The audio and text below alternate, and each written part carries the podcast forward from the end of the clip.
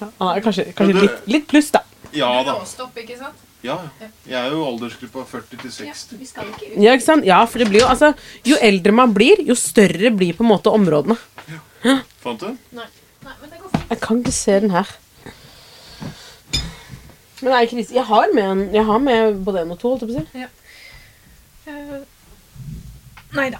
Takk. Det går bra. Ja. Ok. Jeg er Caroline Bonnet. Sanger og låtskriver i Bonnie and the Jets.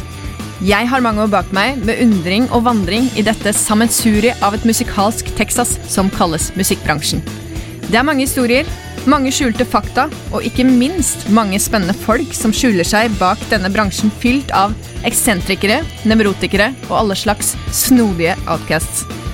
Jeg bestemte meg en kveld for at jeg ville forvandle denne nysgjerrigheten til å bli min egen podkast. Jeg kommer til å invitere forskjellige gjester fra bransjen som forhåpentligvis vil fortelle meg noe nytt som muligens verken jeg eller du visste fra før. Hver episode vil kunne belyse kjente og kanskje ikke fullt så kjente sider av nettopp musikkbransjen.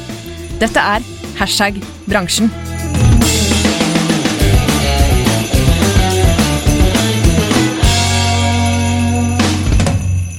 Hjertelig velkommen til hashtag bransjen julespesial. Og eh, der la jeg også merke til at eh, Lydmann har lagt på en eh, dombjelle, som jo passer veldig fint. Der var den, ja. uh, jula den kommer hvert år, enten vi vil eller ei, og også til musikkbransjen. Og for en del så er jo aktivitetene rundt denne høytiden årets viktigste inntektskilde. Vi kan jo komme litt mer tilbake til det etter hvert. Men uh, som en del av dere lyttere vet, så er jeg vokalist og frontfigur i soulrock-bandet Bonnie and the Jets. Og i hashtag bransjens julespesial så har jeg samla det jeg klarte av bandet vårt. Eh, som endte opp med å være gitarist eh, Dagfinn Hjort Håvin og og eh, vokalist Johanna Dahl Bryne. Og undertegnede. Siden det er bandet Bonnie and the Jets som gjester dagens episode, så tillater jeg meg sjøl å delta aktivt i samtalen eh, med betraktninger og eh, refleksjoner. Men jeg skal også lytte, da. Det går bra. Men eh, Johanna, du har jo ikke vært med i eh, hashtag bransjen før, og jeg bare lurer på, hva tenker du når jeg sier hashtag bransjen? oh, jeg tenker jo egentlig på alle de, ja, liksom som du sier i introen, alle de fine musikerne og folka vi har på alskens egentlig musikkproduksjoner rundt om i det ganske land. eh, og det er jo ikke rent få. Det er det Det ikke. er det ikke. Så etter å ha hatt mye erfaring med både det ene og det andre, av både mye korgreier selvfølgelig, men også um, ja, andre ting og egne konserter og sånt noe, så, så tenker jeg at det er, eh, det er jo litt at um, apparat, ja. Som er eh, sammen med alle disse som er eh, på scenen og syns. Og så er det alle de som er bak scenen, men som er eh, om ikke like viktige, kanskje innimellom kanskje bare viktigere også, nesten Mm, mm. for å få liksom alt til å gå rundt. Så, um, så nei, så jeg, for meg så er det på en måte kanskje hele Alt av scenefolk. Både Mm. på, av og under og over og Ja. ja, høyre og venstre og i det hele tatt, tenker jeg. Bra svar. um, men når vi snakker om hashtag bransjen, da, musikkbransjen, så lurer jeg på om du har en eller annen historie fra veien, eller noe sånt du liksom tenker at oi, shit, det var jo virkelig et uh, bransjeøyeblikk som kanskje ikke hadde skjedd uh, så mange andre bransjer. Et, eh, ja, kanskje ikke så mange andre bransjer. Nei, altså sånn fra egne erfaringer med liksom kanskje gode opplevelser da, Mm. på veien. For Fra eksempel. bransjen så har jeg vært, jeg har mye erfaring fra annet gospelkor. Ja. Så jeg har vært med i Traces Gospel Choir, for eksempel. Mm. vi hadde jo et år, fikk vi være med på, på juleturneen eh, til Adam Douglas. Ah, så gøy. Og det var eh, ganske gøy, altså. Det, eller for meg så var det kanskje også første erfaringen med på en måte en, eh, en profesjonell turné. Mm. Og det syns jeg var veldig, veldig gøy, veldig lærerikt, ikke minst. Og spennende å se hvordan hele systemet med mennesker både på og av scene fungerer. Ja. Hvor lenge siden er det, da? Eh, nei, det var vel i 2019, tror jeg. Mm. Så det blir vel fort mm, fire år siden, med litt Ja, enkel hoderegning. Han var gjest i hashtag bransjen. Ja. Ja, de er en god, god, venn- blitt en god venn av oss. Mm. Ja. Fin type. Utrolig fin type. For et talent. Ja, Ja. absolutt. Jeg tenker, for meg så er jeg tenker han blant de Ja, egentlig han og Jarle Beinhoff. Det er på en måte mine sånne Ja. Mannlige solister, norske, som Ja. bare ah, Fantastisk. ja, virkelig. sånn, veldig godt å høre på. Mm. Men ho, ho, ho, det er jo jul igjen. og hva forbinder du da, Johanna, med jula sånn rent musikalsk, liksom? Altså hva, hva har du hørt på, eller hva har du vokst opp med av julemusikk? Altså, når jeg var eh, yngre, da husker jeg når mamma skulle vaske eh, vaske huset. Veldig ofte lovte å svare sånn Jeg skal julevaske. Mm. Så alle vi andre var sånn ut. Okay. Fikk, en, da var det på en måte pappa, og så vi tre søsknene. Vi skulle liksom Nei, må dere komme dere ut, for jeg vil vaske håndklær. Mm. Så gjorde vi ofte det, da kom vi andre også ut, og så kom vi hjem igjen. Og da var det veldig ofte mamma hadde liksom vaska og shina huset, og noen ganger så fikk vi med oss kanskje litt grann av stemningen rundt i på slutten der. Eh, men da skru, eh, eller hadde hun alltid på en CD med Bugge Wesseltoft, 'Snowing On My Piano'. Oh, ja, okay. Og det har altså blitt en sånn derre åh, Det er litt sånn julefreden senker seg-følelse, Mm. da, når den spilles. Så den, eh, den er jeg fortsatt veldig glad i. Og så har jeg fått veldig sånn der forkjærlighet for stryker og sånn. Mm. Når det kommer strykere, så blir jeg veldig sånn åh, jeg blir veldig salig. Salig. Salig, ja, veldig salig sånn- er riktig ord. Mm. Ja. Ja. Så det, er- det syns jeg alltid er vakkert. Alltid jeg får med av liksom julekonserter men sånn stryk og sånn. Mm. tenker jeg åh, dette er deilig. Ja, veldig fint. Alltid. Og du da, Dagfinn? Er det noen spesielle sånn julemusikkminner?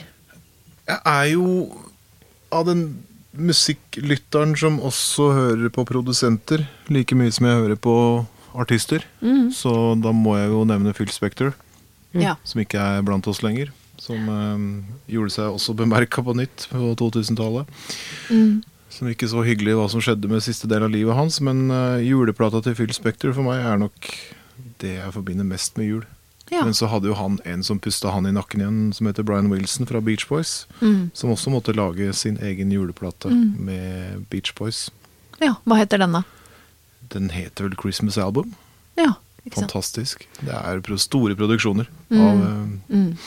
det er episk. Den kommer, det er evig, evigvarende. Ja. Så de to er nok mine Ja. juleplater. Jeg uh, hørte veldig mye på Eller det ble spilt veldig mye med Halia Jackson hjemme hos meg. Sånn Pappa var en uh, er en sånn fyr som spiller veldig høy, høy musikk. Og på en god måte, da. Så uh, da var det veldig ofte sånn når julaften nærma seg, på en måte, så var det med Halia Jackson på full guffe i stua, liksom. Og det var sånn Ja. Så når jeg hører hennes Oh Holy Night, for Ja. eksempel, så ser jeg for meg det nissekoret til mamma, liksom, som stå, sto på piano og Ja?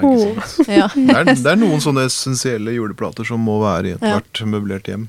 Men- Så, Men også Carola sin Jul i Betlehem. Den har gått mye ja, for min del. Den synes jeg har Den har en sånn nerve i seg som er veldig fin. har klart er fint uten den, men jeg anerkjenner jo at det er bra produksjon. Den er vel, Det er vel med Iver Kleive, tror jeg. Ja. Mm. Og spilt inn i uh, Jerusalem, tror jeg faktisk. Oi, Oh. såpass, ja. I et sånt uh, For veldig er det den med den derre 'Himmelen i min favn'? Ja, ja. Ja, Det er med den, den. har jeg gjort veldig mye. ja Jeg tror ikke jeg ja, har hørt uh, hele albumet. Det har jeg ikke, det burde du, Det altså. burde jeg kanskje Ja. gjøre, egentlig, i grunn. Det Jeg har hørt mer av det enn jeg egentlig tror, men ja. Jeg skal gi den, med gi faen den har jeg hørt ganske mange Ja. ganger, faktisk. Ja. Og gjort det et par ganger. Ja. Men platesamlinga mi stopper jo i 1980, så det er Ja, det gjør den jo. svært Så- få etter det som har sjans. Dog Bob Dylan sitt julealbum er jo veldig god underholdning. Ja, Det er morsomt. På en fin måte, Ja, liksom. ja, ja. ok. ja. Ikke bare komisk god Nei, underholdning. men det, er, det, er, det er litt morsomt å høre Bob Dylan som voksen og veldig Den der grumsete Mm. stemmen som han har nå, som er, er mer enn noen gang. Mm. Så den juleplata hans er episk. Here Comes Santa Claus. Det, Ja. Alle må høre det også. Mm.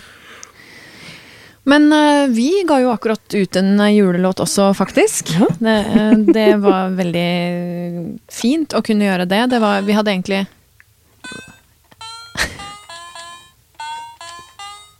Ja. Sånn, ja. Mm fint. Jeg tror det batteriet i den maskinen her er ti år gammel. Det hørtes litt sånn ut, ja. Vintage-batteri. Vintage eh, keyboard. Ja. Men uh, vi hadde vel strengt tatt egentlig tenkt å spille den inn i fjor. Mm. Og så ble det til at vi Ja. Det kokte bort i kålen, og tida strakk ikke til, så da skjedde det i år, da. Og så er jo det en låt som kanskje tar for seg det temaet at jula er vanskelig for en del. da. At alle kanskje ikke forbinder det med en sånn jolly tid uh, hvor alle ler rundt uh, peisen og har det superbra.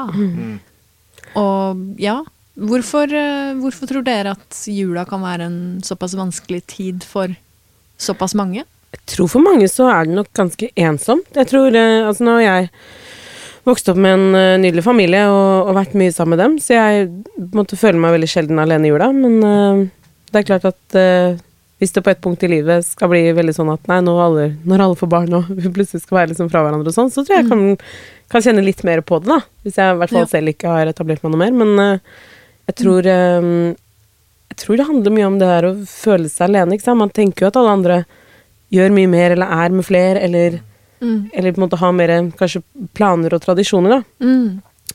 Men så Og så tror jeg man har snakket mye mer høyt om det sånn senere i tida. Mm. Um, for dette med mental helse har blitt mye mer aktuelt, og vi har blitt mye modigere på å snakke ut om det vi føler på. Mm. Uh, så jeg tror nok at det er mange som har følt seg mye ensomme, men uh, um, et, Ja, jeg, det er ikke godt å si, men jeg tror det handler mye om følelsen av tilhørighet, da. Mm. Ja. Dagfinn, hva tenker du? Hva jeg tenker om det, er at uh, det er mye forventninger til jula. Det er Mm. kanskje, Vi er inne i en tid nå hvor verden er ganske mye mer snudd på huet enn den har vært før også. Så jeg tror det er kanskje enda verre enn det har vært noen gang. Ja. For det, det er mye forventninger, og samfunnet Jeg vet ikke hvordan jeg skal Jeg har ikke lyst til å gå for dypt i det politiske i det, på en måte, men, eh, men det er mange som bekymrer seg for hvordan de skal kunne gi eh, sine nærmeste og det de ønsker seg. Som kanskje matcher eh, samme buksa til de på skolen, eller riktig iPhone, eller om det er eh, gaver som man kanskje ikke har råd til i en tid hvor det er mye tøffere enn det har vært noen gang. Mm. Jeg tror det er jo vanskelig, det også. Ja. Men det som Johanna sa også med ensomhet og Det er vel sånn emosjonell tid. Absolutt. Ja. Det er ganske sånn stort hysteri også. Hvorfor skal alt liksom sentreres til den jula? ja. Og det du sa i stad om at Da tenker jeg det var selvvalgt at mammaen din ville ha vaskefred.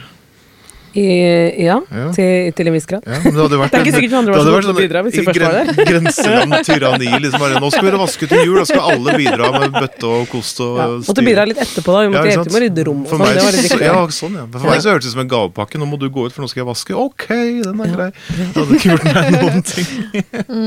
Nei, jeg, jeg, jeg, jeg veit ikke hvorfor alle følelser skal settes så mye i sving i den tida der. Jeg tror også altså det, det er jo grusomt, det skal vi sikkert mer inn på etter hvert, at ehm, at det dessverre faller fra en del mennesker opp mot jul, og kanskje også i jula i seg sjøl.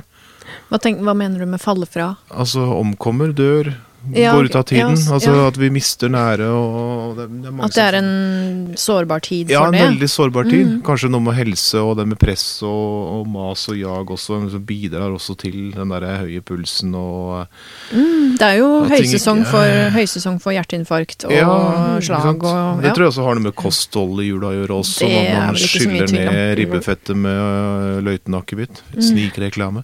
Men uh, uansett så det, er, det er for mye av det. Altså, jeg vet ikke hvorfor, men det er sånn tid. Jeg føler at det alltid er litt sånn derre Det faller fra mennesker mot den tida her, og det er vondt Mm. å se. Det er, Men det er jo veldig transparent, da, tenker jeg. At jula er um, Alt blir veldig tydelig. mm. Og som du nevnte, Johanne, at de som da kanskje ikke har det største nettverket, eller ikke har så mye familie, eller kjenner kanskje ekstra på det, da, fordi tilsynelatende så er det veldig mange rundt som har mange rundt seg, og har det veldig bra, og Mm. det er harmonisk. Men der det ikke er harmonisk, og der det ikke er så bra, og alle de barna eksempel som ser foreldra sine drikke, altså sånne type ting. Det er jo veldig mange som har det kjempetøft da, i jula, hvor Og altså Så er det jo da en sånn dypere diskusjon hvorfor drikker disse foreldra? Altså, de vil jo helt sikkert Altså- barna sine Ja. sitt beste, men Mm. de har det sikkert for tøft selv til å klare å konfrontere med hvorfor de velger å drikke bort følelsene Ja. sine. Så, og så tenker jeg at det er mange som um, Det er jo mange som presenterer på en måte veldig sånn glansbilde av hvordan det er, og så Mm. vet man jo på en måte at de aller fleste familier har jo sitt. Ja. eh, både stort og smått. Mm. Um, så jeg tror det er mange ting man også på en måte Man sier kanskje ikke så høyt, men innerst inne så kjenner man kanskje at ok, men Mm. ja ja, så er det på en måte den jula igjen, og så Mm. er det kanskje en som alltid drikker litt mye, eller Ja. en annen som alltid skal ta opp de der kjipe tingene hver gang det er jul, eller altså Ja. et eller annet da, som på en måte kan um, ødelegge litt for den gode stemningen. Mm. Samtidig som det er jo det er veldig sjelden at alt er rosenrødt. Det, Mm. det er i hvert fall ikke det jeg har lært mot i løpet av livet. Men uh, jeg, ja, jeg, tror jeg, jeg tror man også skal huske på at uh, det er jo ikke alt det man ser som ikke har en bakside også, da. Nei. Tror jeg, da. Jeg tror, jeg tror de meste har det, egentlig. Ja, det Ja. tror jeg òg. Ja. Men tilbake til den eh, godeste Melancholy Christmas, da, som vi akkurat har gitt ut, Ja. og mm, som eh, du, Dagfinn, har vært med å skrive. Mm -hmm. Var det noe av inspirasjonen til å skrive den? Det at det er en sånn ambivalens rundt jula? At det er en del ting som kanskje er vanskelig, men Ja, at det er viktig å få fram den tosidigheten, da. absolutt. Jeg, jeg føler for å bare ta litt forhistorikk på låta, egentlig. Ja, takk, som, gjør det. eh, Som jeg sikkert har sagt noe om før, men ikke til eh, lytterne av den podkasten her. Eh, 2000 Nei, hva heter det? 2012? 2012, kan man si. Du kan det? velge. 2012. Jeg tror det var 11, 12 eller 13, om jeg husker ikke. Men det var i hvert fall rundt den tida der. Mhm. Så fikk jeg en telefon fra manageren til Steven Ackles, Ja. som heter Jeroen Kerstins fra Nederland, og lurte på om jeg kunne bidra med å prøve å plukke ut en julelåt som Steven Ackles skulle gi ut da det året. Ja. Og da gå gjennom diverse favoritter. Mm -hmm. Steven var jo til tider en låtskriver sjøl, men skrev ikke så mye de siste 20 åra, kanskje. Jeg tror ikke det er så mye som ble med han. også var også en slags sånn crooner-artist som gjorde andres Hva kalte du det? crooner. Sånn som Frank Sinatra, Dean Martin, eh, ah, ja, Tony som Bennett. gjør andres låter? Crooner, ja. Det Ja, er, ja, ja, sant. Mm. Eh, Det er sånn Wikipedia-måte der. Nettopp. Så, så hadde jeg egentlig bare en tanke hvorfor skal vi på Dødelig finne en julelåt til Steven? Mhm. Kan vi ikke bare lage en sjøl? Mm. Syns det var en veldig god idé. Så har du noen ideer? Nei, jeg har ikke noen julelåter akkurat nå, men jeg føler for å liksom bare prøve. Gi det et forsøk. Ja. Og så jobba jeg ganske tett med Lawrence Clasby fra Bournemouth. Ehm, så jeg, jeg vil gjerne ha en sjanse til å bare se om jeg kan komme opp med noe. Og så mm. jobba med Lawrence Clasby, som er uh, også låtskriver, tekstforfatter og artist fra, fra Bournemouth, England, som er bosatt i Norge. Mm.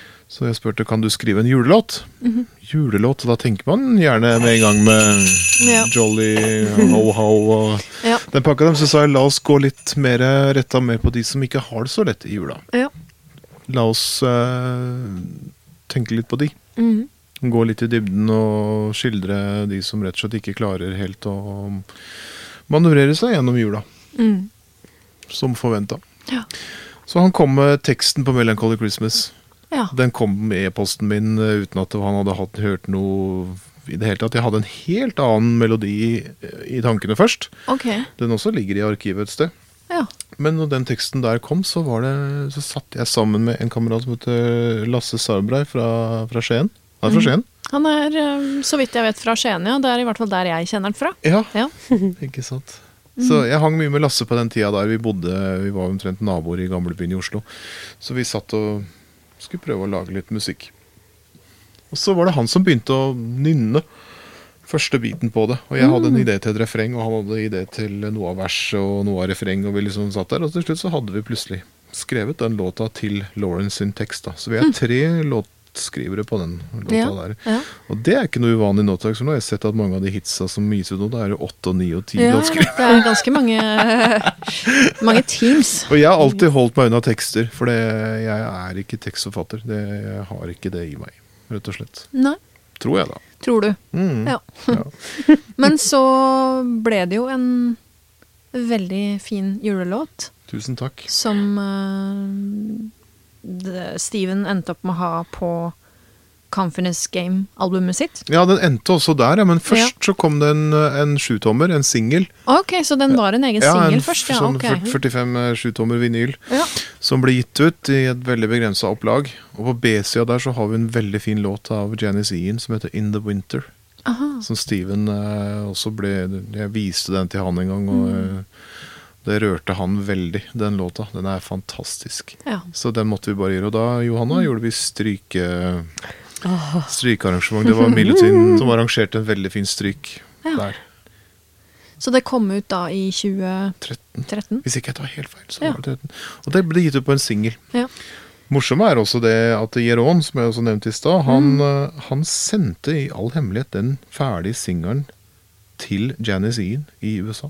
Wow. Jeg tror hun bor i Nashville. Ja, Og spurte om hun kunne være så snill å så signere den Okay. med en hilsen til meg. Så da den kom i posten fra Janice Ean, med hilsen til Dagfinn og Ah, takk for at dere har gjort låta mi og så kult. Så jeg delte, ja, den er, det er samme, samme singelen. Mm. Som igjen, vi var på Big Dipper og gjorde en konsert der, og til Andreas sin store begeistelse. Han er veldig fan av den låta. Så har vi jo da egentlig hatt i tanker å gjøre den tidligere, i fjor. For jeg falt veldig for den låta når jeg hørte den, og syntes den var super, superfin, og kunne da relatere meg til den eh, ja, følelsen av at ikke jula bare er fryd og gammen, liksom. Og det tror jeg vel de fleste kan, egentlig. Um, og ja.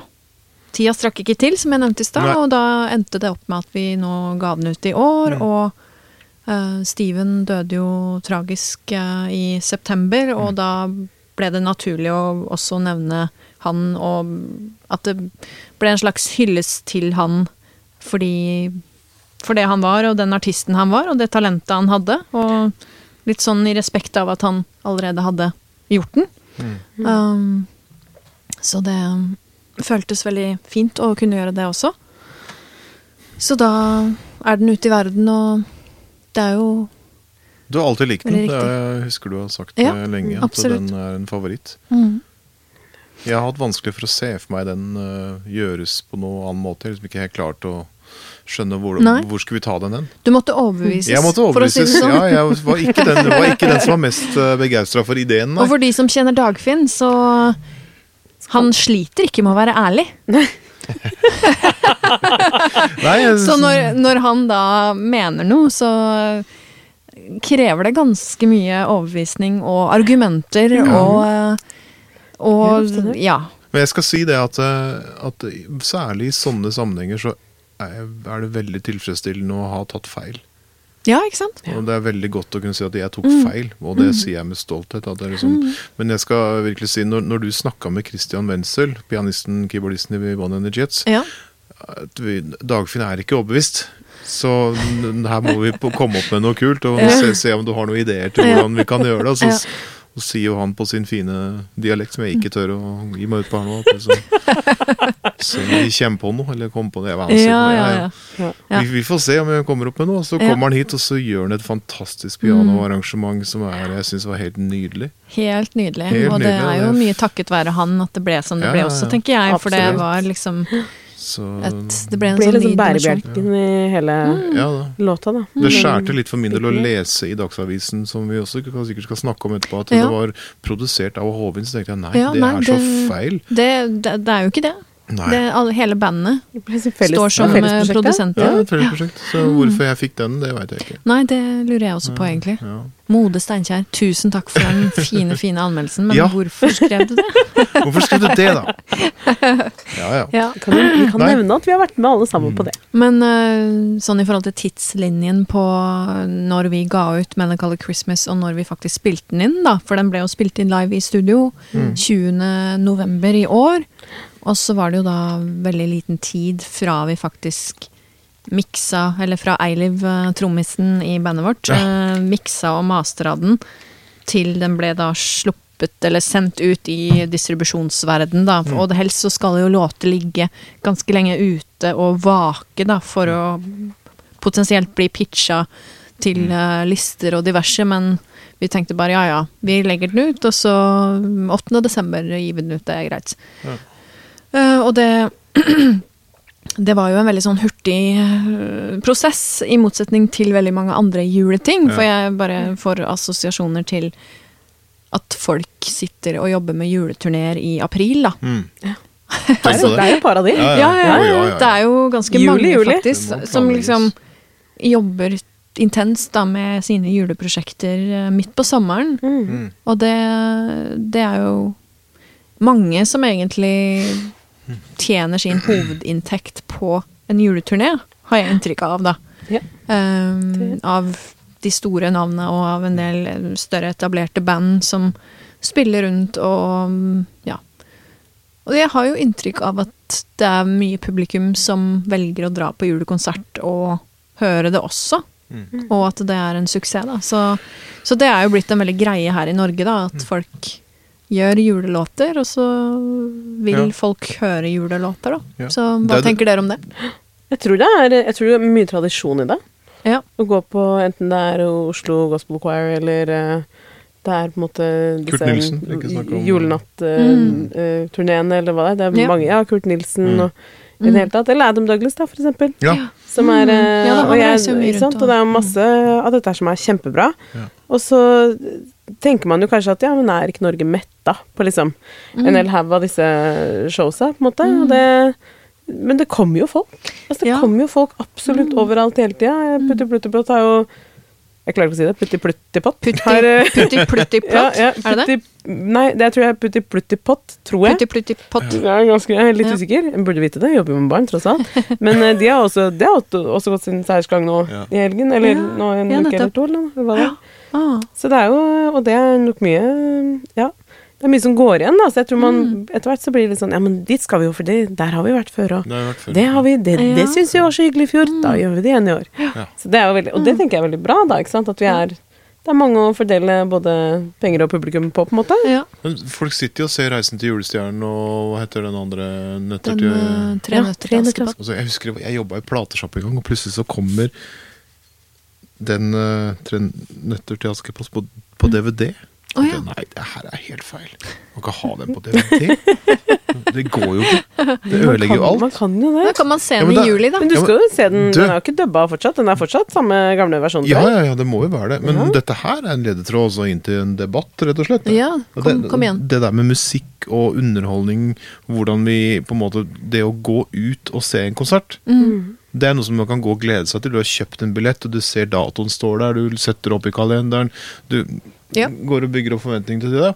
Men i den digitale verden som vi er nå, så kan vi egentlig bare skru på underholdningen akkurat når vi vil. Ja. Tenk om det var sånn at det liksom, nei, i dag har jeg lyst til å gå på konsert med Adam Douglas, for eksempel. Så liksom bare i en slags sånn fiktiv uh, greie kan du bare skru på Adam Douglas, og så har du han inne i stua di, en sånn entertainment-greie. Sånn ja. Hva heter det som ABBA Det er sånn uh, Eh, hva- 3D. ja, å ja, det er. Å ja, å ja, jeg vet hva du mener. Ja, de er der, men de er ikke der. Ja, Ja. hva heter det for Eh, noe? Og jeg vet ikke, det er litt sånn Vision på det. eh, Jeg vet ikke. Og jeg Om du som lytter har svaret på det, send en e-post til Det er en sånn eh, 3D-aktig Ja.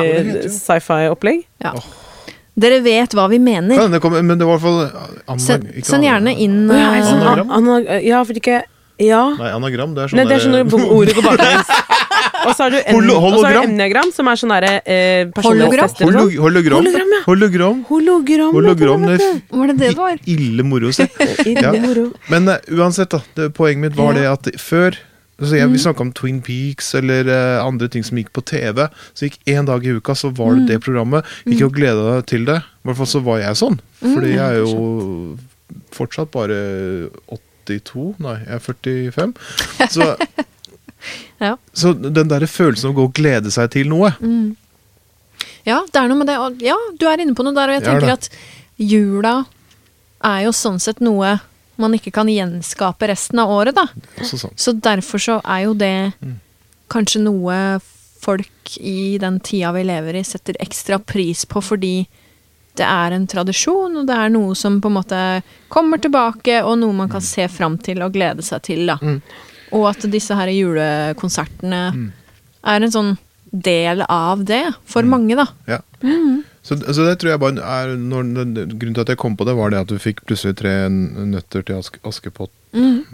Jeg klarer nesten ikke å si det.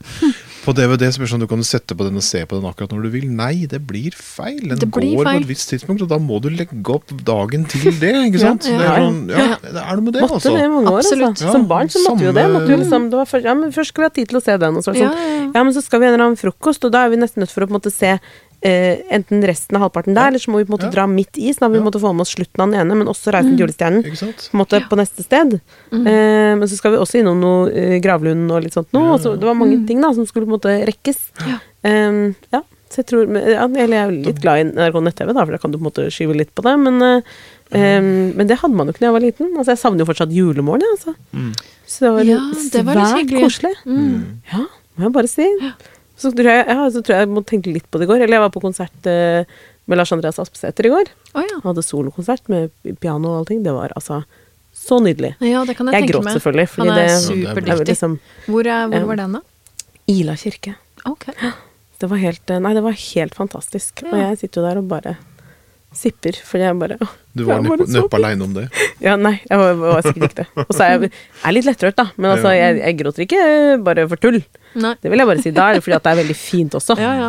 Så jeg smiler jo, og det er jo ikke fordi jeg er lei meg og trist, det er jo fordi at jeg syns det er vakkert og nydelig. ja.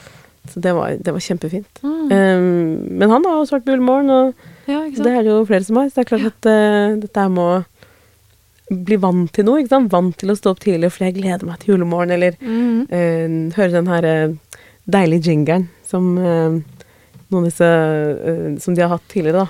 Med, Nå er det Ja, julemorgen, alle barn må stå opp og gjøre seg klar. og det en var sånn, deilig- sånn, Det er rart hvordan det det sitter, sitter, den teksten. Der må vi Ja. betale tono for, vet du. Nei, da. Er ikke innafor et visst antall takter? Jeg tror det kan kanskje ja, det. Kan å holde oss uh, innafor Det det. får gå. det Vi får får bare gå. legge på en sånn derre sånn Åssi Osborn Ja, Ja. absolutt. Husker du Julemorgen? Nei, Nei. hva var det for noe? Nei, Det var sånn barneprogram til barne- morgenen. Men nei, Jeg stemmer, du er jo. Jeg er jo litt eldre. litt eldre. Ja. Litt eldre. Litt Ja. Ikke, det er ikke by much. Men hadde du noe sånt du så på før jul eller i jula? Når du vokste opp? Nei, Skal jeg være helt ærlig, så, så oppdaga jeg musikken såpass tidlig at det er det eneste som har opptatt meg, egentlig. Jeg er jo, for å være helt ærlig, ikke noe veldig tilhenger av jula i seg sjøl. Det er det jo ikke. Så, så det er en helt annen historie. Jeg kunne lagd en egen episode om det, men det tror jeg Ja. ikke vi gidder. Men, eh, men jeg, jeg, jeg liker at andre koser seg, det gjør jeg. Mm. Og jeg koser meg med å ikke feire jul. Mm, Så, sånn er det for meg, mm. rett og slett. Og Ja. det er noe at jeg liker å gå litt imot den strømmen med alt det hysteriet rundt det. Mm. Jeg tror eh, de færreste i det hele tatt eh, har noen formening om hvorfor egentlig feirer jul. Mm. Og ikke at jeg er noen troende person som er sinna på at ikke folk vet hva som er årsaken til det, men Nei. eh, det har blitt et hysteri. Mm.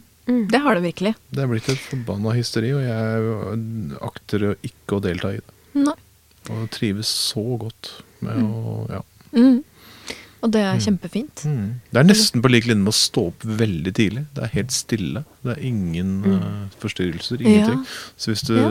Eller være oppe veldig lenge, da, for de av oss som er litt sånn Ja, B-mennesker. Ja, og- Hvis du står opp klokka fem, så kan du få gjort veldig mye fram til folk begynner å røre på seg. ikke Mm. sant? Mm. så s- Samme i jula, at hvis du sitter aleine i jula, så Mm. er det ingen som forstyrrer deg. Det er sant, det, altså. Mm. Ja, men det, det var en sånn fin sammenligning, Ja. egentlig. Ja. Men hva Altså, hva er grunnen til at juleturneer og sånn er så hovedinntektskilde for mange artister, tror dere? Er det bare det at det er en stor greie for publikummet, og at det liksom Man må bruke mye av resten av året på å planlegge det, liksom? Jeg tror hvis man klarer å etablere seg som liksom um, Som en artist det er verdt å få med seg, da, før Mm. juletid, på en måte. Eh, så tror jeg det ligger mye inntekt i det. Mm. Hvor du på en måte kan eh, ha litt mer sånne ting du syns er gøy og moro resten av året, og som kanskje ikke drar like mye publikum. Og så har du Mm. litt mer eh, Da har du litt mer spillerom resten av året, da. Ja. Når du på en måte velger å kjøre litt mer sånn tradd Mm. inn i desember, da. Tror jeg, da. Men, men jeg tipper det er veldig mange av de artistene som også digger å gjøre, gjøre sin juleshow, og syns Ja. det er kjempetrivelig. Og det er jo mye takknemlig og hyggelig Mm. publikum. Så jeg antar at det er sikkert derfor òg, da. Det er jo sikkert hyggelig. Mm. Ja. Det, det, det, ikke nødvendig- Jeg antar det. det er ikke nødvendigvis bare julemusikk som blir fremført. Det kan jo være Nei. andre type låter og numre som egner seg til jula. Ja, for du var jo med på sånn juleturné. Jeg har vært med på flere juleturneer, Ja. egentlig. Så det, det er alltid en anledning til å gjøre noe. eh, Også Ja. Det trenger ikke bare være tilspisse innholdet eller tema eller konsept eller hva som helst. Altså Jul er jo et konsept da, som man kan reise rundt med, men det begynner jo allerede i slutten av oktober Ja. at folk reiser rundt og skal spille julemusikk. Mm. Så det, det er nesten like awkward som at julegatene åpner i oktober. Ja, ja, At du liksom skal sitte og høre julemusikk i en kirke i, Mm. i oktober. Det er jo litt rart på en måte, men skal man liksom Mm. I det landet her som er så langt, da, så må du jo liksom jobbe deg nedover og oppover. ja. Sant nok. ja, altså, jeg vet ikke, men, men det vanlige repertoaret til en artist Det er jo på en måte helårskompatibelt. Mm. Mens julemusikken er jo for en tid. Du Ja. sitter ikke og ser 'Grevinnen og hovmesteren' øh, i juli. Jeg gjør det. Du gjør det. Nei. Så det er, det er på sesong. Det er liksom, nå er det tid, Nei, tid for det igjen. Kanskje tid med noe gjenhør. Kanskje det er derfor at julemusikken ikke, ikke blir utslitt. da For at vi, Ja. vi går ikke og hører på det året rundt. Vi får liksom, Ja. Nå tar vi det opp igjen. Ja, ja. For min del så spiser jeg ribbe hele året. Så det, Mm. det er ikke noe høydepunkt for meg det hvis jeg skulle spist ribbe i jula. Det er som bare ja, som jeg spiste i februar. ja. Jeg prøver liksom å spare liksom, Ja. liksom gleden over ribben frem til julaften. Da. Ja, ja. du prøver liksom ikke å spise Ja. noe særlig av det. Det jeg si om effekter. da det, Mm. Hvis du fjerner alle effekter, så er det en effekt i seg selv. Mm. Ja. Mm. Ja, ja, ja. Men det um, er jo litt sånn, ja. Det blir på en måte ribbeinflasjon for din del, da. Siden du egentlig bare har det året rundt. Det fins ikke noe inflasjon hos meg. Det er, eh, jeg er sånn, sånn, er, sånn er jeg. Hvis, jeg. hvis jeg kjøper meg et par sko som jeg er kjempefornøyd med, Mm. så kan jeg finne på å kjøpe et par til. Helt like. Bare for at Ja. da har jeg funnet mine sko som jeg vil gjerne ha et reserve for. Men det, er, det forstår jeg veldig godt. Ja.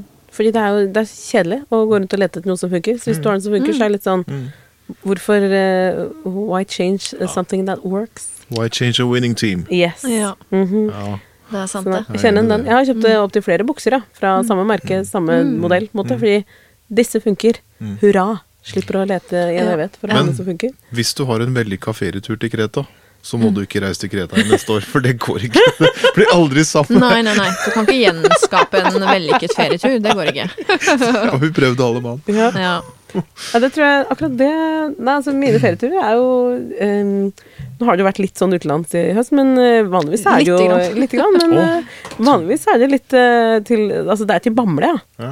Og det, det, det er der er på en måte mitt eh, barndoms- og voksenparadis på alle mulige måter. Men Bamble er eksotisk, vet du. Ja, det er eksotisk. Noe for enhver. Ja. Så når jeg kommer ned dit, så begynner jeg å snakke sånn som de gjør der nede, vet du. Mm. Endre litt på Hvis jeg Ja, prater med de lokale ja, da blir det litt grenlands. Vi det Blir litt grenlands uh, inni der. Det er ikke bra, ass. Ja. Husker Jeg, du må, føle, jeg vet ikke. Jeg må Jo, liksom passe inn. Litt fleksibel sånn språkmessig. Ja, ja, ja. Du er en kameleon. Ja. Ja, litt Men grann. hva var det du skulle si? Du hadde noe på tungen? Nei, jeg bare Altså, vi, vi har jo um, en uh, bandmedlem her som har uh, hatt på en liten jordomseiling. Ja. Hvor, hvor lang tid ville du brukt på å oppsummere litt fort, kort og gærent hva du har opplevd Mm. Eh, i år? nei, det er kan- ikke småtteri. Jeg kan gjøre det kort. ja. Ja. Gjør det. Uh, uh, jeg har jo vært uh, Først har jeg tenkt at jeg måtte bare gjøre noe litt annet. Jeg måtte ha en litt sånn break. Mm. Så jeg måtte liksom finne på litt andre ting. Kanskje litt for inspirasjons skyld, litt for å på en måte bli litt mer kjent med hvor jeg kom fra, og Mhm. sånt noe. Så jeg har Først har jeg vært litt sånn på seiltur, da. Det er mest fordi jeg bare digger å seile. Mm. Så jeg seilte til Skottland og tilbake til Norge. Og så var jeg en tur i eh, Skottland og litt i England før jeg møtte dere, og vi var jo spilte sammen i, Ja. i London igjen. Ja. Det var veldig hyggelig. Og så eh, dro jeg rett og slett til mitt fødeland, til Colombia. Og var der nede og kjente litt på Fikk kjenne litt på på en måte uh, hva skal jeg si, klimaet der på alle mulige måter. Både uh, værmessig og eh, hva skal jeg si Kulturelt. uh, kulturelt og gata og allting. Dette her, liksom kjenne litt på det. Og det var eh, fantastisk fint. Fikk eh, besøkt mitt eh, barnehjem, der jeg er adoptert fra. Mm. Det var veldig fint. Veldig sterkt på mange ja, måter. det kan jeg tenke Det var må et inntrykk. Jeg, mm. Mhm. Så det fikk overvære en adopsjon. Det ja. var veldig Også veldig spennende. Også veldig, litt sånn ut av deg sjæl-opplevelse, Ja. kanskje. Men veldig fin. Um, og så var jeg liksom litt overalt og kjente litt på at, at jeg føler meg jo litt sånn hjemme. Det er, jeg syns det er veldig spennende med arv og miljø, da. Ja, ja. Og merker at eh, det er noen ting som sitter i kroppen min, som jeg åpenbart ikke har fått fra min egen mor og min far. ja. Og som jeg ikke tror er typisk norsk, på For en måte. eksempel. På måte, I den grad man kan si typisk norsk, da. Ja. Så eh, for eksempel litt sånn eh, noe med kanskje energi, og litt sånn temperament. Mm. Eh, og ja, det er, og sånt noe. Og så litt dette her med å synge høyt for seg sjøl. Ja. Det er, det er sånn derre Det tenker de ikke så mye over nede i Colombia. Er liksom, de synger gjerne høyt på butikken, og oi, nei, nei, my jam is on eh, radio. Yes, jeg synger med. Og det er veldig, Det er jeg syns det er veldig gøy, da, for jeg står der og synger sjøl. Sånn, noen føler seg kanskje litt sånn rare når de gjør det i Norge. Ja. I Colombia er ingen som tenker sånn. Nei, nei, nei. Det er litt sånn her, Nei, det er bare hyggelig. Ja. Um, men så er det jo klart at det er jo en annen verden, og det er mye store forskjeller, og et system på en måte som eh, eh, Som det virker som nesten ønsker å forskjellsbehandle, da, på en måte. Mm. Så, um, så det er jo så- Ja, det er borte bra, men hjemme best på mange måter. Mm. Um, men veldig fint å ha vært der og opplevd det, og kjent litt på at, uh, at det også er en del av den jeg er, da, Mm. i dag. Så det har vært veldig deilig. Så jeg har prøvd å Ja, altså, nå er ikke jeg noen låtskriver heller, egentlig, men jeg prøver liksom å utfordre meg sjøl på liksom Ja. skrive litt og på en måte ja. skrive ned litt tanker og? Opplevelser og den slags, Mm, sånn at jeg så også bra. kan kanskje ja, bruke det i litt sånn Det er kreativt arbeid senere. Kjempespennende å høre om. ja. Du må huske på det at uh, man ikke får skrive ferdig en låt der og da, så det er veldig viktig å lagre ting og Mm. ha, det, ha det på lager. Plutselig så får du en annen idé som du trenger en bit eller en del til, og så kan du sette sammen den med den. Og så. Mm. Ja, Jeg tror ja. Leonard Cohen brukte et års tid på å skrive Halleluja, Ja, ikke sant? mens Bob Dylan brukte ti minutter på 'Blowing in the Wind'. Mm. Så det er, alt er lov. Mm. Ja, Heldigvis. Det, det gjelder egentlig, nå vil vi ikke få peise inn på det, men mm. låtmaterialet i Bonnie and Jets, ja. så er jo mye av låten der er jo ting som har på en måte Første spira er jo mange, mange mange år gamle. Mm. Ja, ja, som har ja, ja. ligget og absolutt. lurka som blir dratt fram. da Mm. Så sikkert både dine ting og som det vi har jobba med. Ja. Men så spennende at du har vært med eller vært såpass mye rundt. Du må ha opplevd spennende. mye. Det har vært veldig, det har vært kjempefint. Og så tror Ja. jeg har vært, eh, for min del så handler det mye om å stå på egne bein, da.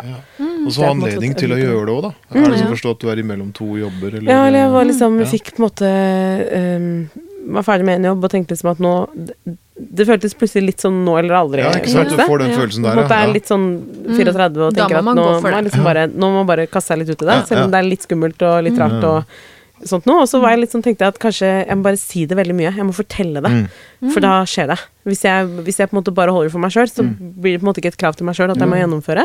Så jeg tenkte at jeg må, jeg må fortelle ting, ja. Si at ting liksom høyt. ja, og så er det, men så er det noen som sier at liksom, må ikke si det høyt, da. Nei, nei, nei, for da, da liksom tør du ikke lenger, og så plutselig oh, ja. så skjer det noe. Så er jeg sånn, Ikke enig i det hele tatt. Nei, jeg tenkte at nei, nå tror jeg jeg skal Jeg tror jeg må bruke, benytte meg av den eh, eh, liksom måten, da. At jeg Ja. bare Ja. eh, Da manifesterer sier og man det. Ja. Mm. Så jeg på en måte delte det, og sa det høyt, og sa liksom Nei, jeg tror jeg, jeg skal ut og reise, jeg. Sånn må det bli.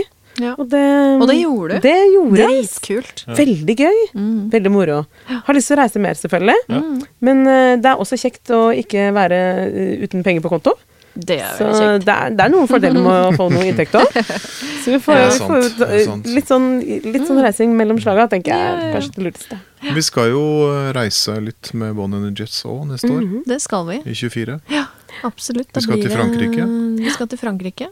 Vi skal til Vi skal til uh, London igjen. ja. Ja.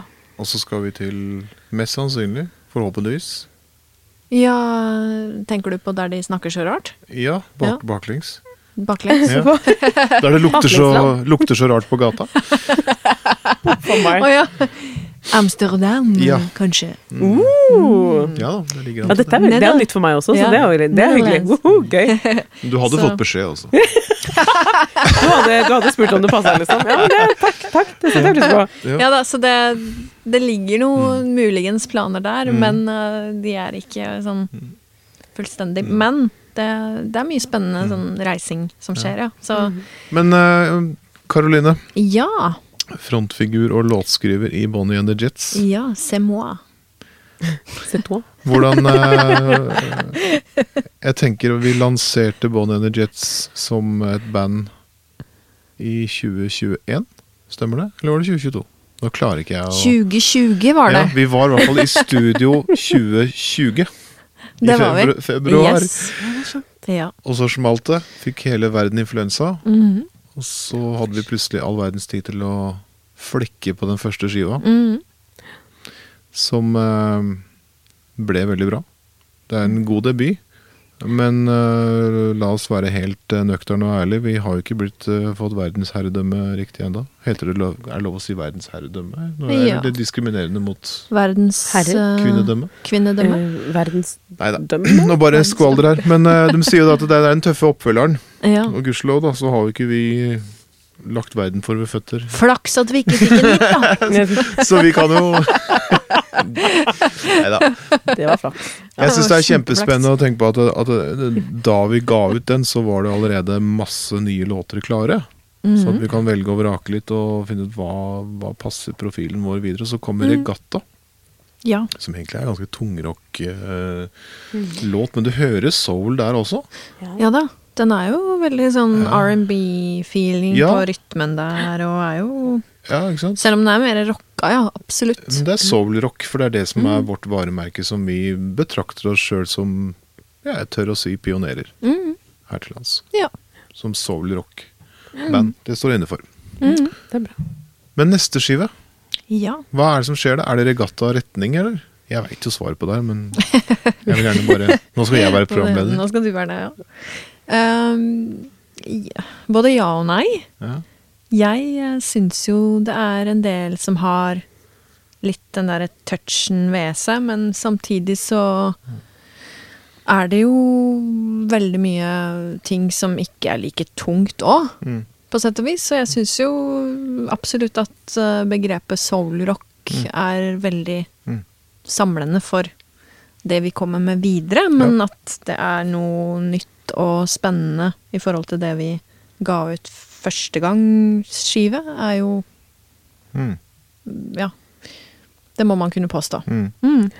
Ja, for vi, vi har ingen intensjoner om å finne opp hjulet, men vi har intensjoner om å holde på med det vi liker best. Ja. Og man skriver låter, vi snakka om det i stad, Johanna, med låtskriving, at uh, man veit jo egentlig Hvis du begynner å skrive en låt, så må du ikke tenke at nei, jeg kan ikke skrive den låta nå, for den passer ikke inn i det jeg holder på med akkurat nå. Mm. Så hvis du skriver en countrylåt, og så er du med i et uh, poprockorkester, så tenker jeg jeg kan ikke skrive den. Jo, skriv den countrylåten, for kan jo at du skal spille et countryrockband seinere, eller når man har en Ja. pop- poplåt, og så holder du på med ditt eller datt, og så sånn der, Man kan ikke liksom bestemme seg for hva man skal skrive. Det går ikke. Man kan ikke sette Nei. sperrer for seg selv sånn, for da blir det jo Sjangersperrer er jo på en måte veldig ugunstig, og Mm. Noe av grunnen til at det er vanskelig å sette sjanger på ting også, tenker jeg da. Ja. Mm. Men uh, jeg syns jo vi har en uh, veldig bra oppfølger på gang, og at det er mye kule ting som, uh, Ja. som kommer, og det hadde vært kjipt hvis man ikke trodde på det man driver med. Ja, Vi tar oss friheter. Vi har jo en, bre en bredde i både smak og, og hva vi kan gjøre. Absolutt. Så litt sånn historikk tilbake. Jeg, jeg sa til Karoline Caroline da vi begynte Bon Angels å planlegge at jeg vil, jeg vil ha jeg vil lyst til å teste en trommeslager Ja. som jeg har spilt med en gang. Eh, jeg var vikar uh, med et band som het Sørgekåpe. Mm. Så fikk jeg oppleve Eiliv Sagrusten, som er trommeslageren vår. Mm. Og dæven steike, han, eh, han slo fra seg. På en Han gjør stort sett det! Gjør stadig vekk, faktisk. Nå må du ikke så innpå. Nei. Men eh, Bare piker i Ja. Men uansett, det var en veldig musikalsk måte å slå fra seg på, da. Så det var Mhm. utrolig gøy å spille med en trommeslager som tar kommando på den måten han eh, gjorde der, og ble, ble, liksom, ble veldig forelska i hans eh, approach til eh, trommer Ja. allerede da. Og så sa jeg det til deg, at eh, vi må prøve han hvis han har lyst til å være med. Så vi inviterte han jo på en, eh, en eh, lettere lunsj. Og han ville gjerne teste det og syntes det virka gøy og hyggelig, og han er jo med oss enda. Ja. Og vi må jo si det at uh, dette er ikke noe altså, Eilif, jeg regner med at du skal høre igjen, men du skulle jo vært her nå, så du Ja. forsvarer deg. Men, men, men mange av lydsjekkene våre er litt mynta på hvordan det går med deg. og dette her er fylt av kjærlighet, det jeg sier nå. Men Eiliv kan også være dynamisk, og det, men han, han, han hjelper oss å understreke budskapet vårt på en veldig kul måte. Og dæven også, det er Ja. eh, Det er eh, så viktig for soundet vårt, hvordan han eh, legger fundamentet Absolutt. og forstår musikken på den måten. Og så må jeg si det, at eh, det er det som heter rytmeseksjonen i orkesteret. Mm. Har Aldri helt skjønt 100% hvorfor, hvorfor bassister skal gå i den, uh, gå i den kategorien. Rytmeseksjon. Nei, det har ikke jeg heller. Det er altså, jo- det er sånne Nei, ting jeg ikke. ikke visste jeg lurte lurte på, sånn- men jeg lurer jo litt på det. Hvis noen har Det er litt sånn historisk på det sånn, Jeg har jo forklaring på det, men jeg vet ikke. Det er jo, Bassister er vel de som måte både kan legge tonene, men også Ja. slå fra seg litt sånn Ja. rytmisk, da, og få liksom ha spillerom til det. Og Ja. har vel kanskje hatt det fra tidlig av. Kanskje så det har vært liksom av, ja. deres uh, Ja, jobb, det. på en måte, da. Eller sånn kanskje den rollen. Men eh, jeg tenker jo at uh, det er jo Altså alle instrumenter tenker jeg har jo rom for både Ja. det ene og det andre. Og både til å lede, men også være litt mer bak, eller litt mer stødig, og noen Ja. kanskje litt mer sånn fri på topp. Mm. Litt sånn bassistdrama eh, på en vennlig måte. Det har ikke vært noe, har ikke vært noe uhyggelige ting, egentlig. Det har det jo sånn sett ikke vært, men det har jo vært eh, Det har vanskelig. vanskelig. Ja. Det har vært en sånn joker eller nøtt å knekke som Mm. på en måte ikke har latt seg knekke. Mm. Inntil sannsynligvis nå, da. ja. Ja. Så vi har slitt med å finne en fast bassist. Og vært mange flinke folk innom. Og Bare flinke folk, vil jeg si. Bare flinke folk, ja, det er sant. Men nå heldigvis så har vi fått med oss en uh, superdyktig og hyggelig, ikke minst, Ja. fyr som uh, Som forhåpentligvis er med oss uh, videre. ja. Mm, Så Tor. Torstein Guttormsen. Yes. Velkommen, Torstein Guttormsen. Velkommen. Skal vi ringe deg opp? Nei. å være med i podkasten. Ja. Altså, det blir spennende. Det blir Mm. spennende. Absolutt. Ja. Nei da, så det, det er jo ulike elementer av et band som gjør soundet. Mm. Så det er klart Vi hadde jo ikke lå, låta. Vi hadde ikke låta. Vi hadde, Låta? Vi hadde ikke låt. Ni Hva- hva- Lott, løyt. Lott. Hva, he, hva heter det? Lytet. Latt. Jeg vet ikke. Jeg kan holde på sånn en stund, faktisk. Låten av Norge. Nei. Alle lydet. Brikker. Soundet vårt Ja. er jo selvfølgelig en uh, sum av alle elementene.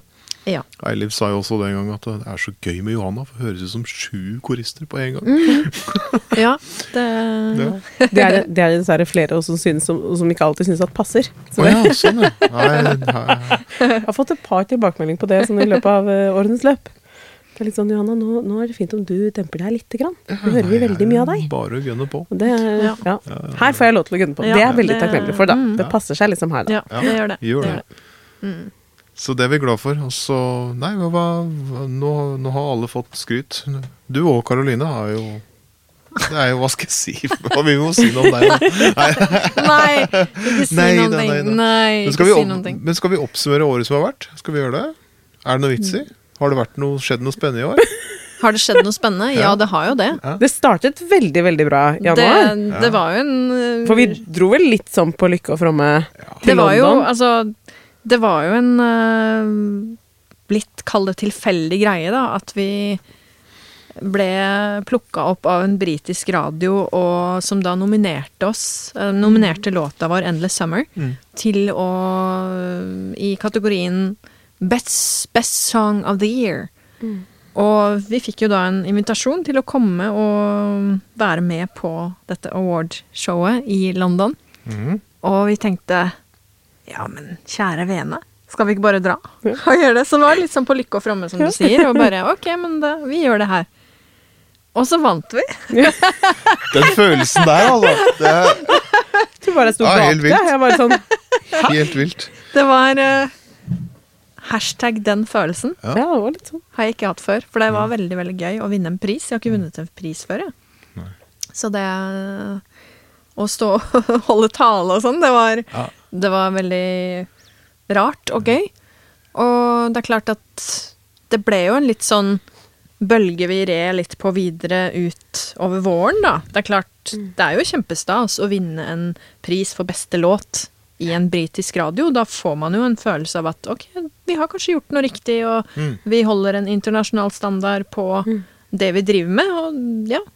Det er jo ikke Ja, så er det jo ingen grunn til å legge seg ned og slappe av for den, for den saks skyld. Nei, men, nei, nei. men det er absolutt ikke, og kanskje heller det motsatte. Men, Ja. eh, men jeg opplevde at det var ingen av oss som tenkte at å ja, men da nå kan vi bare ville litt. Det var Nei, nei, kanskje ingen av oss som tenkte det, tenker jeg da. Nei. Det så var da jo var vi jo godt i gang med Ja, for da hadde vi Eller husker jo ikke jeg når vi hadde konserter konsert på Å... Nei, var det Åmot? Nes? Nei. Eh, jo, det var det var før vi var i det? London, det, Ja, var det Årnes, ja? Ja, Ja, ja, på Kulturhuset. Kulturhuset Ja. i Nes. Ja, stemmer det. Ja. Men øh, Nei da, så året startet jo litt som pangstart med Mm. en konsert på Kulturhuset der, og så tur til London, og så vant vi den prisen, og så fikk vi en del oppmerksomhet på det. Mm. Uh, veldig hyggelig. Og ja, fortsatte å jobbe videre med nye ting, da. For Mm. det er klart, det er kanskje en del som ikke er i musikkbransjen tenker over, er jo at det er en innmari langdryg prosess, det å faktisk lage et album, det å skape musikk. Um, det, det tar ikke to dager, liksom, og det er klart korona var jo med på å gjøre prosessen enda mer langdryg, men det var jo sånn at jeg hadde jo kanskje strengt tatt mentalt blitt litt ferdig med de låtene som kom ut når de kom. Ja, sånn Men så skal man jo da Ja. vise det fram live, og det er jo dritkult, og det er jo det man på, på sett og vis lever for. Det å formidle musikken til de som hører på, og ja, at man ser man får gode tilbakemeldinger på det. Men, men øh, det er ikke Det er ikke sånn at man Det er ikke så nytt for, for oss, da. Så man var jo da videre i plate må nummer to. Det er vanlig at det er sånn. Det er jo da jobben på en Ja. måte begynner med å få det ut og fram. Mm. Det er ikke noe så veldig unikt med å gi ut musikk i disse dager, og særlig ikke julelåter i desember. Så det er veldig morsomt. Det var morsomt veldig mange som ga ut i år. det var ekstremt mye, Altså, tror jeg. Eller er det bare for at vi har gjort det sjøl første gang og ser at det er typisk? Kan jo være det sånn der Ja. syndrom de Ja. som på en måte vil få barn, ser alle gravide rundt seg, liksom. Ja, det kan være Ja, sånn. Men, øh, men jeg føler kanskje at det var flere som ga ut julelåter i år. Kanskje, kanskje det er en boom, en, en boom av julelåter i år. Ja, det er mulig, det føler litt Men altså. det er jo ganske jeg, jeg håper jo at folk er mer sultne, da. Jeg hører at det er, folk har lagt i seg dårlige, dårlige vaner og sånn etter korona. Og Mm. At eh, folk er vanskelig å få ut, at det er vanskelig å fylle saler og kultur Mm. sånt. Men, hvis det snur nå, da, med kanskje juleturneene er, Mm. er med på å bidra til at folk faktisk får eh, sansen for det å Mm. gå ut igjen og se konserter live. Livescenen er jo det, det har vært en vanskelig tid. Det har vært en veldig Post vanskelig tid. korona har vært veldig tøft for veldig mange, og så er det Ja. noen som har gjort det utrolig bra. Så Det er noen som har gjort det veldig bra, Ja. og så er det kanskje de fleste som har heller slitt og funnet det vanskeligere å Mm. jobber og eh, festivaler og Fordi mitt inntrykk er at en del av bookingene som skulle blitt gjennomført i korona, Mm. De ble da utsatt. Mm. Så veldig mange arrangører hadde på en måte lovet seg bort til en del band og artister. Men så er det jo litt sånn det var, Noen av de var kanskje ikke like aktuelle da, to år seinere, som de var da. Det er litt sånn vanskelig, så jeg tror det er mange som på en måte har hatt Det er sikkert like Litt mye vanskeligheter med det. like mange comebacks som nykommere, da. Kanskje. Ja, jeg tror kanskje det. Det er, ganske, det er jo ikke plass til så mye som kan lykkes på en gang. Men man, det er jo ingen som kan forvente at ting skal bare skje over natta. Men, øh, men jeg synes det er i hvert fall for vår del så føles det veldig sånn at vi har fått mye oppmerksomhet. På, Mm. Det har vært mye innsats bak det i promotering og, Mm. og et arbeid som ligger der. Men øh, Mm. for oss så er det aller, aller viktigste er jo å komme med et godt produkt. Men for å fortsette den oppsummeringen av året, da, Ja. så ga vi jo da ut Regatta, som du nevnte på Mm. tidligere i stad. at Den er jo kanskje litt hardere, eller den er hardere enn Mm. en del av det andre vi har gitt ut. Mm. Uh, og det var jo en del av de som har lyttet på plata vår, som Mm. syntes den var kjempekul, og så var det noen som syntes den var litt sånn Oi, den var litt annerledes, men litt mer rocka. Men det er jo det som er morsomt å se hvordan ulike mennesker reagerer forskjellig på ulik Mm. musikk også, da. Men uh, Nei da, så varma vi opp for Smokie. Det, var stas. Vi. Det var Det gøy. var ganske gøy, altså. Ja. Utrolig morsomt. Ja. Det er en veldig sånn hyggelig, jovial gjeng, Ja. de folka der. Veldig. Og så fikk jeg Jeg kjente veldig på sånn Jeg fikk sånn debut på Vriktegården. Ja, For der har jeg vært uh, mye som kid. Ja, Eller sånn ja, ja. Kid er å ta i. Ja. Jeg har vært der som yng, ung voksen, som det heter. Ja. ja. Jeg har alltid vært der. Lovlig alder, ja. Understreker det. Mm, mm. Ja. Um, men vært på mye konserter, og i og med at jeg liksom har hatt hytte like ved. Så det, så det syns jeg er veldig gøy, da. Liksom Ja. å gjøre litt sånn, sånne ting også. Det er, det er liksom et av perksa med jobben. Da, for liksom Mm. gjøre litt sånn kule ting som er liksom steder som føles hjemme, og så får man Mm. lov til å være med og sette litt preg på det. Absolutt. Det liker jeg godt. Det var en fin konsert, det. Mhm. Absolutt. Det, det var jo uh, veldig fint vær, og vi var jo heldige med liksom, omgivelsene sånn sett, da. Mm, mm. Så det var sankthansaften, var det ikke det? Det kan også ha vært det. Ja. Mm. Og så, hva skjedde videre da? Vi dro tilbake til London Mm. Og spilte. Vi ble invitert til å spille på um, The Bedford. Mm. Uh, og ja, det var godeste Tony Moore som var uh, promotør og ja, ansvarlig for den jobben der, da. For øvrig en musiker som var med i Iron Maiden. I oppstartsfasen. ja, ja, ja. Veldig, veldig hyggelig fyr, og ja, super eh, Super musiker. Men uh, hva skjedde videre? Hjelp meg, folkens. Ja, jeg prøver å tenke. Ja, ja, altså, hva skjedde videre? Da, da dro vi hjem igjen, ja. Vi dro hjem igjen, ja. Du musikkvideo. dro ikke hjem igjen. Eh, dro Jeg dro ikke hjem igjen, men dere andre dro hjem igjen. Jeg tok en videre. veldig lang uh, togtur. Um, men uh, Ja, vi spilte vi spilte musikkvideo der. der nede. Det gjorde vi. Ja. Ja. Det er der jeg har på meg den hvite genseren. Ja, ja. Det er bare det er memo to self. Det blir svært neste gang. Ja. Ja. Ja. Det Men det. var, det var morsomt. Det vi gikk Ja. Det var, Det var gøy, og så er det Følte jeg kanskje litt på det at man burde kanskje ha kommunisert litt bedre at man skulle Eller ja, hvor mye tid det faktisk tar å spille en musikkvideo, da. Fordi det er, det er jo ganske tidkrevende greier. Det er sånn Ja. ok, men vi tar den scenen om igjen, og så går vi over gata om igjen, og så er det den, og så øhm, Så det Ja. Det ble jo en superintens dag med musikkvideoinnspilling og så konsert på kvelden, og ja, jeg tror jo at folk var ganske sånn uh, kjørt på en positiv måte, håper jeg da. Ja da. Ja. Det var Men kjempegøy. Det eh, det ble jo en veldig fin video, og Kenan Korkmaz, som er en god venn av meg, han bor i London og var veldig ivrig på å skulle gjennomføre det her, så Og det ble et veldig fint resultat. Det ble Jeg syns den fikk den energien låta krever, på en måte. For det er jo en Regatta er jo en intens låt, og det, det er ikke bare bare å klippe en musikkvideo til det. Det er det ikke. Nei. Jeg syns synes det var kjempekult. Veldig underholdende. Fin, engasjerende video. Fått Ja. mye oppmerksomhet på den også.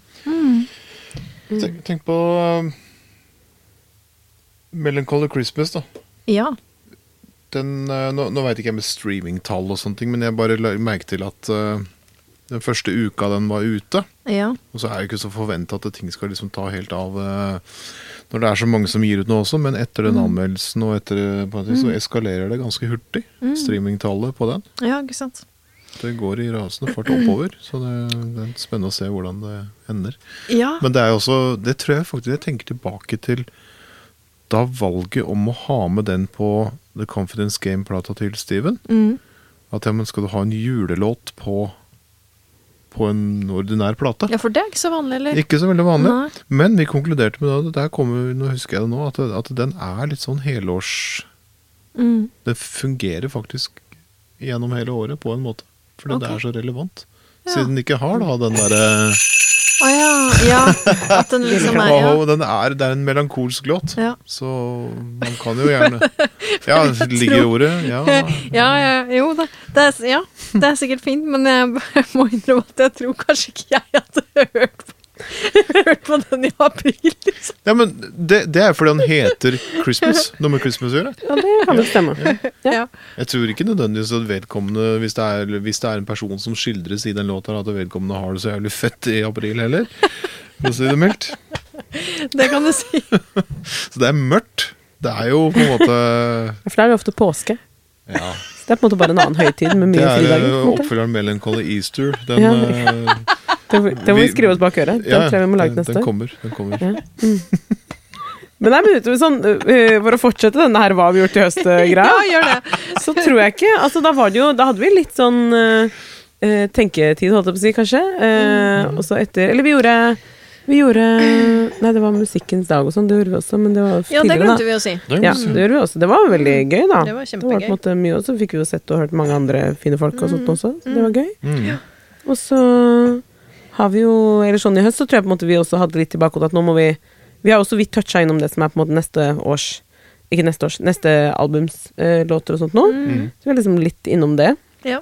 Så det har vi liksom fått smakt litt på sånn i løpet av året. Og så Og så var vi jo, ikke for å avbryte, men Nei, nei. vi var jo i um, studio med Eiliv Ja. og la grunnkompet for det som skal bli det Det nye neste- albumet. Ja, ja. Det gjorde vi da rett før vi dro til London? Rett før det vi dro til etter? Nei, rett før. Det var rett før, ja. Ja. ja. det var i Snacksville i Ja. skogbygda hos uh, Amund og Henrik Mårud. Mm.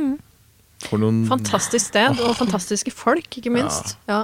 omgivelser der. Anbefaler det studioet til alle som har lyst til å kose seg samtidig. Ikke bare jobbe, men Ja. ha det hyggelig. Nei, det Ja. var armslag og veldig fin lyd og, og ja, Ja. Det er helt nydelig. Hva var det du skulle si? Eh, ja, hva var det jeg skulle si? Nei, og så brukte vi vel løsningen litt på å tenke litt sånn når skal vi møtes? Og så Ja. var det ikke kanskje mest praktisk at jeg ikke var her.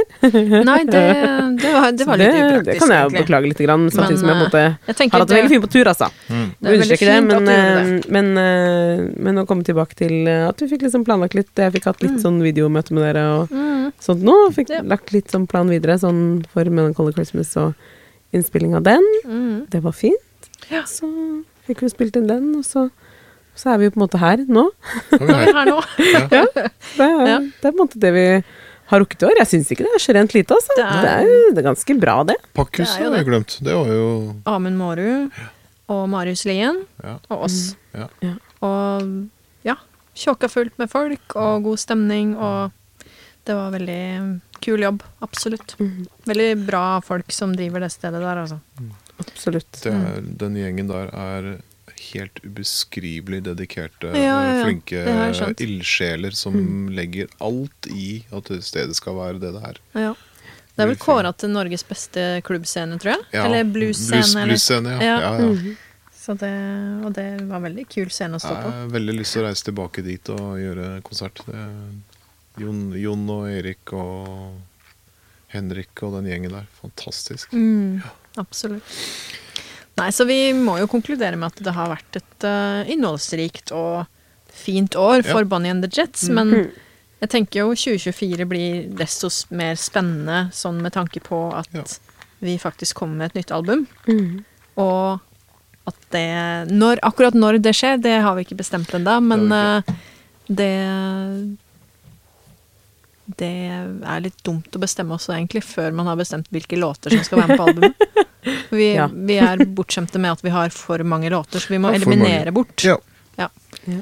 Så um, Men ja, det blir uh, spennende tider. Ja. Mm. Det får man si. Fornøyelige ting å jobbe med som produsent også. Veldig morsomt. Og så er det jo Det er ingen utfordringer i form av at Altså, alt går veldig lekent og lett, da. Med Mm. tanke på så flinke folk som vi er. Alle mann. Nå tok jeg med meg sjøl der. Ja, men det, du er jo fader meg veldig flink, Dagfinn. Tusen takk for Mm, det. absolutt. Så Så tror jeg vi, og så tror jeg vi alle sammen er gode på liksom, Jeg tror vi er gode på å gi rom til hverandre. Ja. Så man får lov til å komme med ideer, og det er på en måte ikke noen som stabler ned allting sånn Mm. fra start. Vi, liksom, vi Mm. tester, og så Ja, nei, kanskje ikke det var det vi var helt ute etter. Og så er det helt greit, liksom. Ja. Så jeg tror det er noe med det der, ja, armslaget, som du sier. At vi liksom klarer å ha det med hverandre, og i samarbeid på en måte med det vi, det vi lager. Da. Og det Absolutt. tror jeg er veldig viktig. Ja. Skape mye trygghet. Ja. Mm. Veldig viktige læringssituasjoner, og Ja. også innstuderingssituasjoner. og er- opptakssituasjoner. Ja. så- så- jeg var, um, en annen ting som også har skjedd, eh, det har ikke noe med Bonnie and the Jets å gjøre, men Karoline Caroline og jeg var og spilte på Herr Nilsen i anledning Keith Richards 80-årsdag. Mm. Som egentlig er i dag, som den episoden her spilles inn. Så Ja. gratulerer til Keith. Gratulerer til han, ja. Er, Legend. hvis det går an å Oh, yes. Still going strong. halvparten så kul Still som han når du blir 80, så er det ikke noe å grue seg til. Nei, Men, du eh, men da var vi der som representanter for uh, and the Jets, Mm. og, og spilte tre låter. Mm. Det var kjempegøy. Veldig morsomt. Det var det. Mye nye bekjentskaper og Mm. nytt, nye tilhørere, og veldig Mm. mange som blir nysgjerrig på hva vi driver med. Yeah. Bon and the Jets, okay. som blir introdusert som Caroline Dagfinn fra Bon and the Jets. Mm. Veldig gøy. Ja, Vi spiller med da Rolling the Stones, en fin gjeng. Gode, gode venner av oss. Mm. En ære å få være med på det. Det var det Veldig virkelig. gøy. Og det var veldig mange etterpå som lurte på hvem er det her. Mm. Og det er mange som har gått inn på Spotify og sjekka ut oss. Ja. Etter er den opptredenen der. Så Mm. det, Ja da. og da, grunnen til at jeg sa det nå, det er at da var også vår kjære manager Boje Nytun. Mm. Som heller Også- ikke er her i dag. Han er heller ikke her i dag. Nei. Notert. Men altså, sa jeg til Han skulle prøve å rekke det, men uh, Jeg sa til Boje at jeg er så stolt av at du er manageren vår. Det er, så, Mm. det er, så, det er så deilig når noen spør også hvem eh, Ja, hvem er du? Er du også med i bandet? Nei, jeg er manager. Altså. Mm. Du er manager, ja. Dere har egen manager? Ja. Mm. Vi har eh, Boje Nytun er vår manager. Ja. Han er vi Såpass glad i. Han er vi glad i. Boje stiller opp, og han er med oss på tur. Og Ja, ja. Han, eh, han er, Han er super. han er uh, veldig Så er han jo stuntmann, og det altså, syns jeg er altså så fett. Ja. Ja. At han har det liksom som bakgrunn. Ja. Det er altså det. dødskult. Det også er vel noe vi burde tenkt litt på, med tanke på liveshow og sånn. Vi Burde hatt noen som kan gjøre noen stunt, rett og slett, på scenen. ja. Tenker at eh, det var en fin eh, oppsummering av eh, året, og så er jula det den er. Den er fin, og den er vemodig, og den er melankolsk, og den er en viktig del av Mm.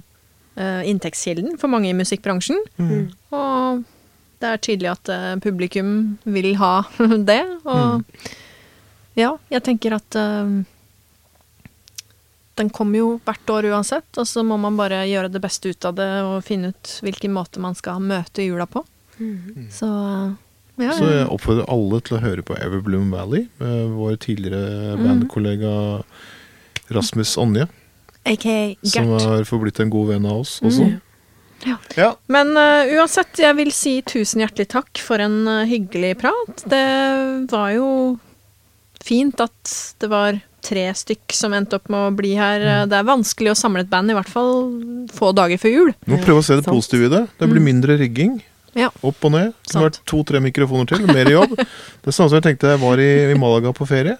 Ja. Altså Skal jeg nå erge meg over at det bare er fire dager igjen, eller skal jeg glede meg over at jeg har vært her i åtte? Ja, jeg ser hva du tenker. Ja. Ja. Det kjente jeg også lite grann på Ja. Når jeg var kanskje sånn i Karibien. Og så tenkte jeg at nå tror jeg du skal huske på at nå er du bare heldig som er her. Du må kose deg litt. Anna.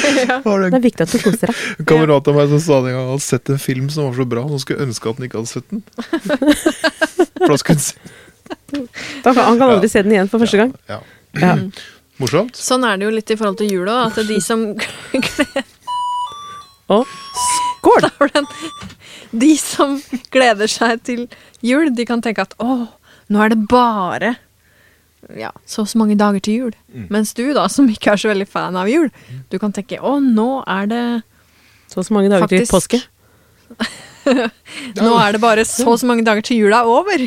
Ja. Ja. Så alt er etter uh, hvordan man ser det, da. Hvilket perspektiv man har på ting. Hvis man ikke feirer jul, så slipper man å grue seg til jul. Ja, det er sant. Det er en Ja, fordel. ja både òg, da. Men altså, noen vil jo kanskje grue seg bare for at alle andre gjør så mye annet. Eller sånn, ja.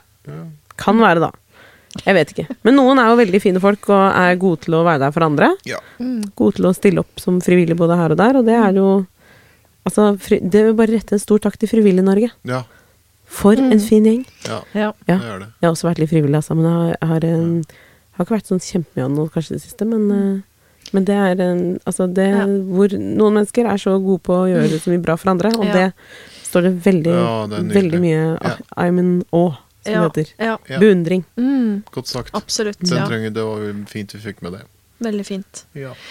Da gjenstår det bare å si ha en god jul, eller fortsatt god desember, til de som ikke feirer jul. Og så håper jeg at du har hatt en fin stund med å lytte på oss i dag. Og så kommer det en ny sesong om ikke så altfor lenge. Det blir den sjette sesongen du går inn i da.